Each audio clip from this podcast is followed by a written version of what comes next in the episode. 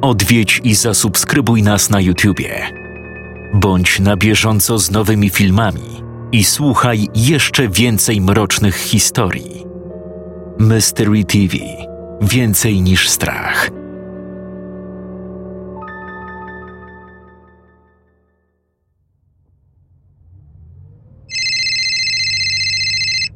Siema. Słuchaj, pojedziesz na Anglię, do Haverhill konkretnie. Załadujesz w okolicach Paryża, za moment podeślę adres i współrzędne, na wszelki wypadek. Będziesz miał 25 km do lotu. Jak załadujesz, daj znać, wyślę ci promy i GMR-a. Rozładunek jest na jutro po południu, tak więc bez spinki. Jak już dojedziesz, spróbuj dowiedzieć się, czy da radę coś przyspieszyć. Usłyszałem pewnego piątkowego słonecznego ranka od Łukasza Spedytora. Łukasz od przeszło roku organizuje zarówno mi, jak i czterem moim kolegom pracę polegającą na realizowaniu łańcuchu dostaw produktów, głównie spożywczych, w tym tych wymagających kontrolowanej temperatury transportu, w skrócie transportu chłodniczego. I co by nie mówić, robi to bardzo sprawnie. Okej, okay. po załadunku daję znaka, w kontakcie. Odpowiedziałem, zerkając odruchowo na tachograf rejestrujący czas pracy i jazdy kierowcy zawodowego. Do zakończenia 11-godzinnej pauzy pozostało 10 minut. Dwie godziny później mknąłem autostradą w stronę portu w Calais. Łukasz ogarnął w tym czasie booking promów i niezbędny do wjazdu na teren UK numer GMR. O, z załadunkiem poszło sprawnie. Jak dobrze pójdzie, w Haverhill powinienem być po 20 miejscowego czasu, czyli po 21 naszego, polskiego powiedziałem sam do siebie. Kierowcą zawodowym jestem od przeszło siedmiu lat. Od razu zaznaczę, nie jest to praca moich marzeń. Chodzi o pieniądze. Jeżdżę głównie po Europie Zachodniej z naciskiem na Niemcy, Holandię, Belgię, Francję i Anglię. Prom w Dover opuściłem kilkanaście minut przed godziną 17 ichniejszego czasu. Z uwagi na delikatne utrudnienia w ruchu drogowym na miejscu byłem po godzinie 20. Z grubsza wszystko szło zgodnie z planem. Rozładunek jutro o 12. Proszę się zgłosić nie wcześniej niż pół godziny przed planowanym czasem rozładunku. Usłyszałem przy okienku od sympatycznej młodej pani, mówiącej po angielsku z wyraźnie wschodnim akcentem. Uśmiechnąłem się miło. Po chwili zrobiłem minę nieco zakłopotanego, a to z uwagi na okoliczność szukania miejsca parkingowego, co przy dużych gabarytach pojazdu nie jest niczym łatwym. Polonia? zapytała pani, obracając w dłoni długopis. Tak. Pojedzie prosta do ronda. Na rondzie prosta, tam powinno być miejsce. Jeżeli brak, jedzie prosta, potem w prawa i tam może stać do jutra. Dziękuję. Do zobaczenia jutro. Odparłem mocno komunikatywną angielszczyzną, w duchu zadowolony, że udało się rozwiązać problem. Firma znajdowała się na tak zwanej zonie fabrycznej. Czym jest zona fabryczna? Otóż jest to dzielnica przemysłowa, składająca się zazwyczaj z kilku lub kilkunastu różnej wielkości i długości uliczek, wzdłuż których znajduje się spora liczba firm, firemek, fabryk i zakładów usługowych. W Haverhill znajdują się firmy zajmujące się przetwórstwem spożywczym, jak również firmy z branży budowlanej, meblowej, recyklingowej, odzieżowej z warsztatami samochodowymi włącznie. Wszystko skrzętnie upchane pod jakże wiele mówiącą nazwą Haverhill Business Park – co prawda we wskazanym przez sympatyczną panią miejscu jako takiego parkingu miało nie być. Nie było jednakże problemem, by tam zaparkować. Stając wzdłuż ulicy przy chodniku, nieco utrudniając tym samym ruch uliczny, lecz nie na tyle, by został tam postawiony znak zakazu zarówno postoju, jak i zatrzymywania się. Zgodnie z wytycznymi zawróciłem – Następnie przejechałem rondo, szukając miejsca, gdzie dałoby radę zaparkować. Przeszło 16-metrowy zestaw. Niestety, na tym odcinku ulica Phoenix Road była zastawiona. Nie mając wyjścia, pojechałem prosto celem skręcenia w prawo bądź lewo. Tu czekała mnie niemiła niespodzianka. Z lewej strony droga okazała się być ślepą uliczką, zakończoną zamkniętym wjazdem do firmy zajmującej się dystrybucją materiałów budowlanych. Z prawej zaś strony stał radiowóz. Przy nim mini ogrodzenie z plastikowych stojaków z przyczepioną tabliczką Road Closed Accident. Ach, niech to. Syknąłem. Następnie zatrzymałem auto i wysiadłem, chcąc cokolwiek zorientować się w sytuacji. Bieżący bez dwóch zdań niekorzystny obrót spraw utrudniał już nie tyle zaparkowanie, co nawet zawrócenie w celu szukania dogodnego miejsca na którejkolwiek z innych ulic. No właśnie, za dobrze wszystko szło. Kilkadziesiąt metrów dalej stał drugi radiowóz i dwa auta ciężarowe. Przy nich kręciło się trzech policjantów oraz dwóch, jak wywnioskowałem, kierowców traków. Podszedłem do kierowców. Nie żyje. Trup w samochodzie. Powiedział ubrany w niebieską koszulkę na ramionczka tęgi mężczyzna, narodowości ukraińskiej najprawdopodobniej. Trup? Zapytałem zdziwiony. Ta, siedzi w samochodzie. Kaput. Nie wiadomo, co mu było. Albo coś zażył, albo wstrzyknął. Nie wiadomo, nie taki stary. Wtrącił drugi, ubrany we flanelową koszulę. Huch, długo będzie zamknięta? Wskazałem na radiowóz. O, dwie, trzy godziny na pewno. No okej. Okay. Dzięki panowie. Odpowiedziałem, po czym wróciłem do auta. Nie bez trudu zawróciłem i pojechałem szukać szczęścia gdzie indziej. Finalnie objechałem zamknięty na długości niespełna 80 metrów odcinek drogi Phoenix Road, zatrzymując się na Helions Bumpstead Road. Pchany przede wszystkim ciekawością, poszedłem zobaczyć, cóż tam takiego miało miejsce. Około dziesięcioletni, srebrny brytyjski Waxwell, odpowiednik europejskiego Opla Astry, stał z boku drogi tuż przy wysokim żywopłocie. Kilka metrów dalej, za drugą z ciężarówek, białym Volvem FH. Kroczyłem przeciwległą stroną ulicy Phoenix, konkretnie wąskim chodnikiem, zaniedbanym, zwolna zarastającym zarówno trawą, jak i chwastami. Wspomniany Waxwell stał z wyciętymi drzwiami zarówno od strony kierowcy, jak również pasażera. Za kierownicą, ze spuszczoną głową, siedział martwy już człowiek. Auto wypchane było różnego koloru i wielkości workami, torbami, tak jakby nieszczęśnik całkiem niedawno został wyrzucony z domu a wszystkie te rzeczy stanowiły cały jego dobytek. Będąc vis-a-vis auta, spojrzałem na trupa. Tak jak mówiłem, siedział za kierownicą ze spuszczoną głową i opuszczonymi wzdłuż tułowia rękami. Jeszcze co najmniej cztery godziny droga będzie zamknięta. Poinstruowała stojąca nieopodal ładna blond pani policjantka, nienaganną angielszczyzną.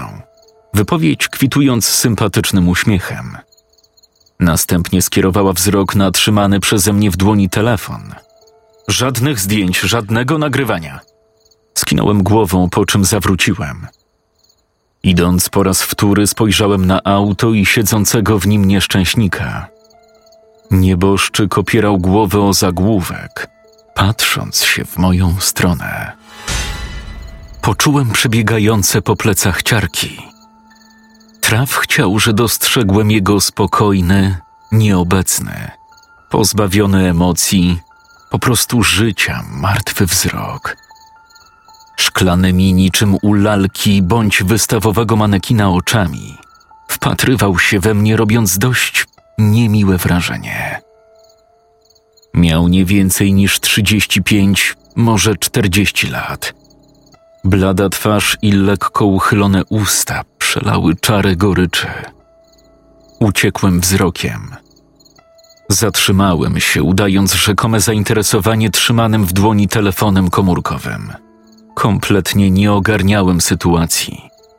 Chaos myśli, wrażeń, odczuć. Przyznam, że po raz pierwszy w życiu poddałem w wątpliwość swą kondycję psychiczną. Trudno powiedzieć, jak długo stałem, pozorując próbę przeszukiwania zawartości telefonu. W rzeczywistości zaś, chcąc rozsądnie wytłumaczyć samemu sobie zaistniałą sytuację. W końcu odzyskałem przytomność umysłu, wracając do normalności. Pokręciłem w geście niedowierzania głową. Poprzednio musiałem nie zauważyć. Pomyślałem w duchu, po czym pchany trudną do wytłumaczenia siłą, spojrzałem w stronę zwłok ponownie. Tym razem głowa nieszczęśnika skierowana była w stronę krzaków, czyli kompletnie przeciwną. Nie dowierzałem. Przyznam szczerze, w tamtej chwili nie dowierzałem własnym oczom. Chłodny powiew wiatru spowodował gęsią skórkę na ciele. Wzdrygnąłem się. Wtedy po raz pierwszy gdzieś tam głęboko, zarówno w sercu, jak i umyśle, poczułem strach. Narastał powoli, usztywniając każdą z kończyn. Co jest? Jak to możliwe? Ostatecznie zwaliłem wszystko na karb zmęczenia. Wychodzą nieprzespane noce i stres. Za długo. Zdecydowanie za długo jeżdżę. Trzeba coś zmienić. Na weekendy muszę zjeżdżać. Tak, bez wątpienia coś się ze mną zaczyna dziać. Pchany trudną do wytłumaczenia siłą, jakby przyciągania. Ponownie spojrzałem na trupa. Nie mam pojęcia, co mną kierowało. Tak sobie myślę, Chyba po prostu chciałem zobaczyć go w takiej samej pozycji siedzącego za kierownicą auta, co poprzednio. Natychmiast pożałowałem decyzji. Martwe oczy patrzyły w moją stronę, natomiast twarz. Twarz wyrażała żal. Przez moment zakręciło mi się w głowie. Przestraszony, na nogach z przysłowiowej waty, czym prędzej ruszyłem przed siebie, wracając do ciężarówki. To, czego doświadczyłem, było. Nie będę owijał w bawełnę. To było coś niesamowitego. Nigdy wcześniej nie miałem jakichkolwiek doświadczeń paranormalnej natury. Powiem wprost, po prostu w nie nie wierzyłem. Tak na zdrowy chłopski rozum. Nikt go przecież nie dotykał sam jakichkolwiek ruchów też nie wykonał. Wiem jednak, co widziałem. Za moim autem podczas nieobecności zaparkowały jeszcze dwie ciężarówki, co nie powiem, czyniło miejsce nieco przyjaźniejszym, raźniejszym. Kierowcy okazali się być Polakami. Obydwaj stali na chodniku przy drugim z aut, sącząc wieczornego browara. Pogadałem z nimi chwilę, ograniczając się rzecz jasna do opisu samych okoliczności zdarzenia. Nie było opcji, abym choćby wspomniał, konsekwentnie trzymałem się wersji przy widzeniu. Pewnie się naćpał. Już myślałem, że ktoś osobówką wjechał w zaparkowaną ciężarówkę. Zaraz by zakaz parkowania zrobili.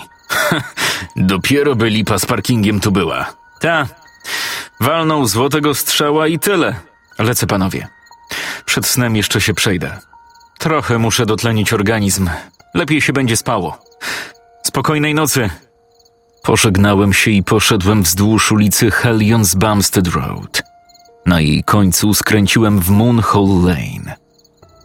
Przeszło 30 minut chodziłem poszczególnymi uliczkami Haverhill Business Park, krążąc niczym duch w wielkim labiryncie. Zona w ciągu dnia tętniąca życiem Teraz przypominała wyludnione miejsce. Pozamykane bramy wjazdowe, pozasłaniane rolety w oknach, pustka i cisza. Na jednym z rosnących nieopodal drzew siedział kot. Ładny, maści ciemny brąz, z tych rasowych. I choć nie potrafię określić konkretnej rasy, to zapewniam, że wyróżniał się spośród zwykłych dachowców – Zainteresowałem się nim, ostatecznie skracając dzielący nas dystans do zaledwie kilku kroków.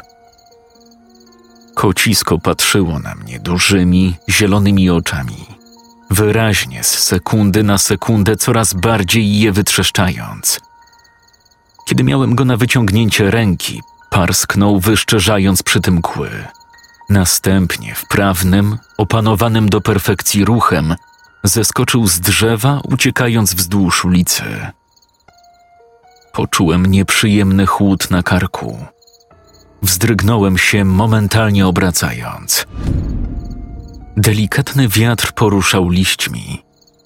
Zielone kształty ocierały się o siebie, szumiąc. Kilkukrotne, przeciągłe miałknięcie kota zwróciło moją uwagę na tyle, by pójść w stronę hałasu. Dochodził z placu oddalonego o 80, może 100 metrów. Widok nie należał do przyjemnych. Wisiał nadziany na wystający szpic płotu, oddzielający sąsiadujące ze sobą posesje przemysłowe. Pręd przeszedł na wylot, uśmiercając czworonoga. Nieszczęśnik popełnił śmiertelny błąd w obliczeniach. Wyglądało to źle, bardzo źle. Odszedłem. Zaczęło się ściemniać. Chłodny wiatr dawał gwarancję spokojnego, niezakłóconego wysoką temperaturą snu. Nie ma nic gorszego, jak obudzić się w środku nocy zlanym potem. Ze względów bezpieczeństwa nie zostawiam choćby uchylonych okien. Szyberdach na niewiele się w takich chwilach zdaje. Wróciłem do auta. Mając dość wrażeń, jak na jeden wieczór zjadłem kolację i położyłem się spać. Zmęczony zarówno fizycznie, jak i psychicznie, zasnąłem momentalnie.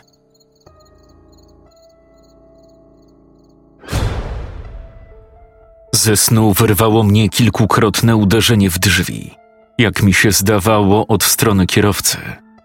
Zerwałem się w pośpiechu, odsłaniając zasłonkę.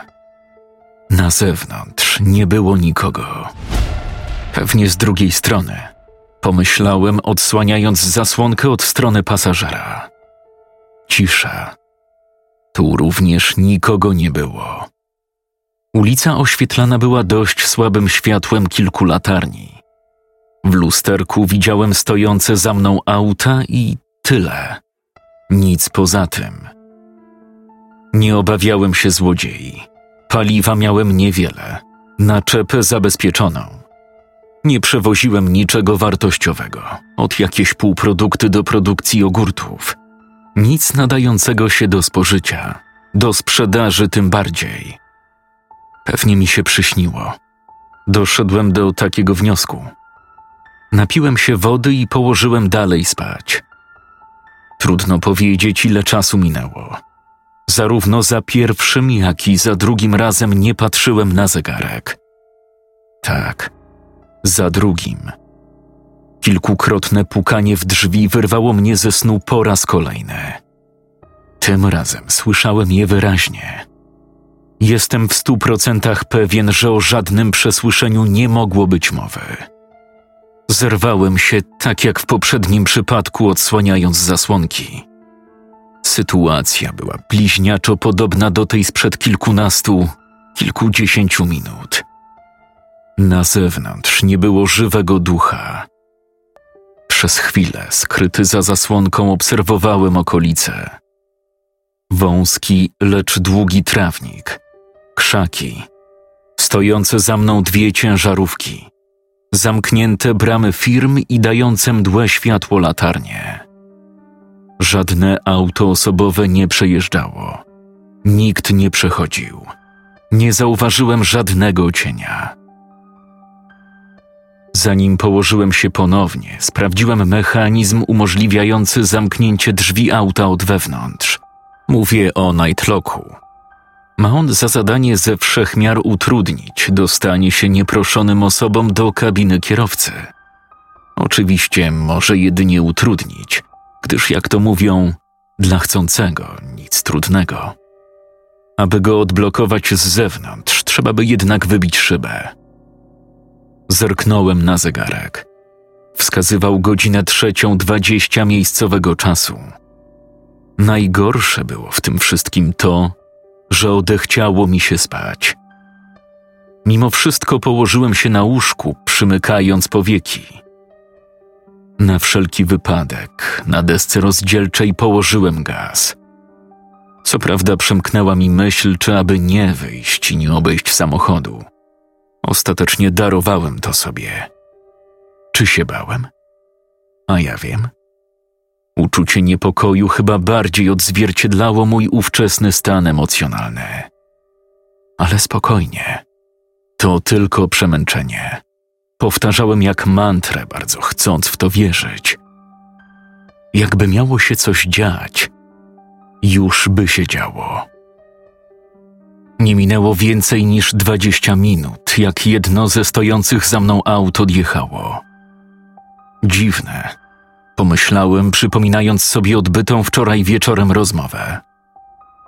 Zrzutkę mam na szóstą. O, ja na ósmą na szczęście. Nie minęło pięć minut, odjechało drugie auto. Zostałem sam. Nie to, abym był strachliwy, niemniej poczułem się bardzo niepewnie. W krytycznej sytuacji też mógłbym odjechać, zrywając pauzę i robiąc opis na odwrocie wydruku tachografu, powołując się na udaremnioną próbę kradzieży, czy to paliwa, czy ładunku.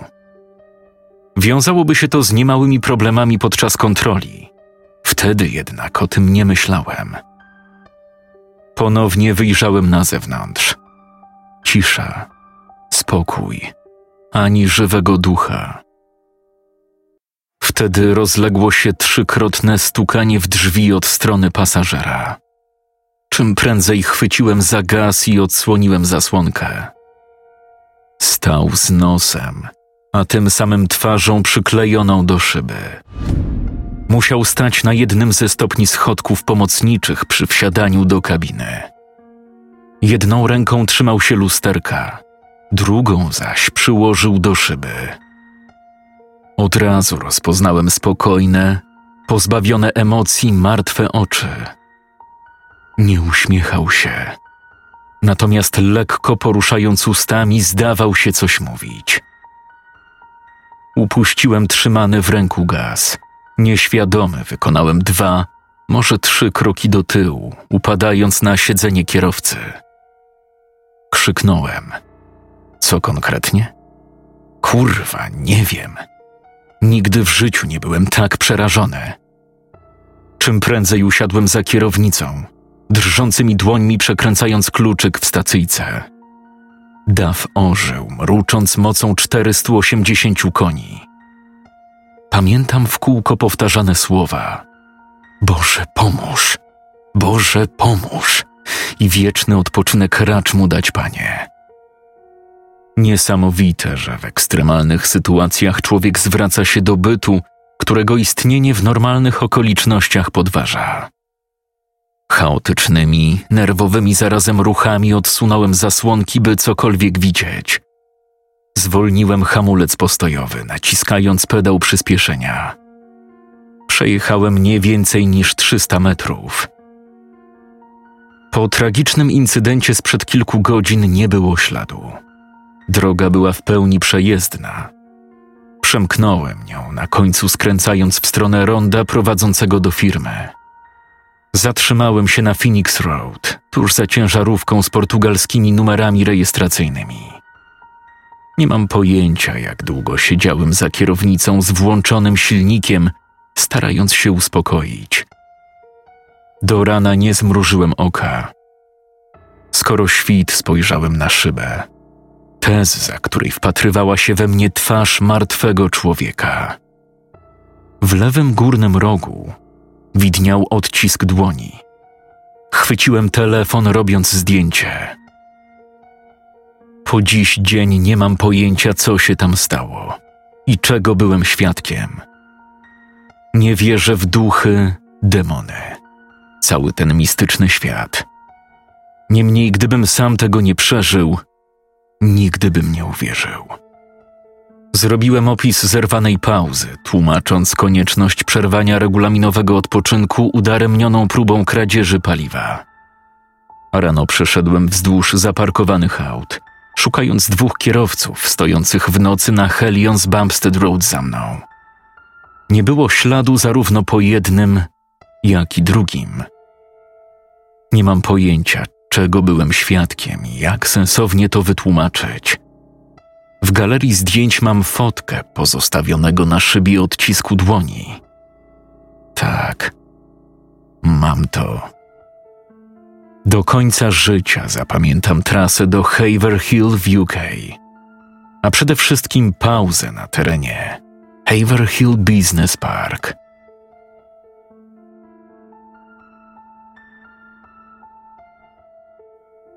Scenariusz Gabriel Grula.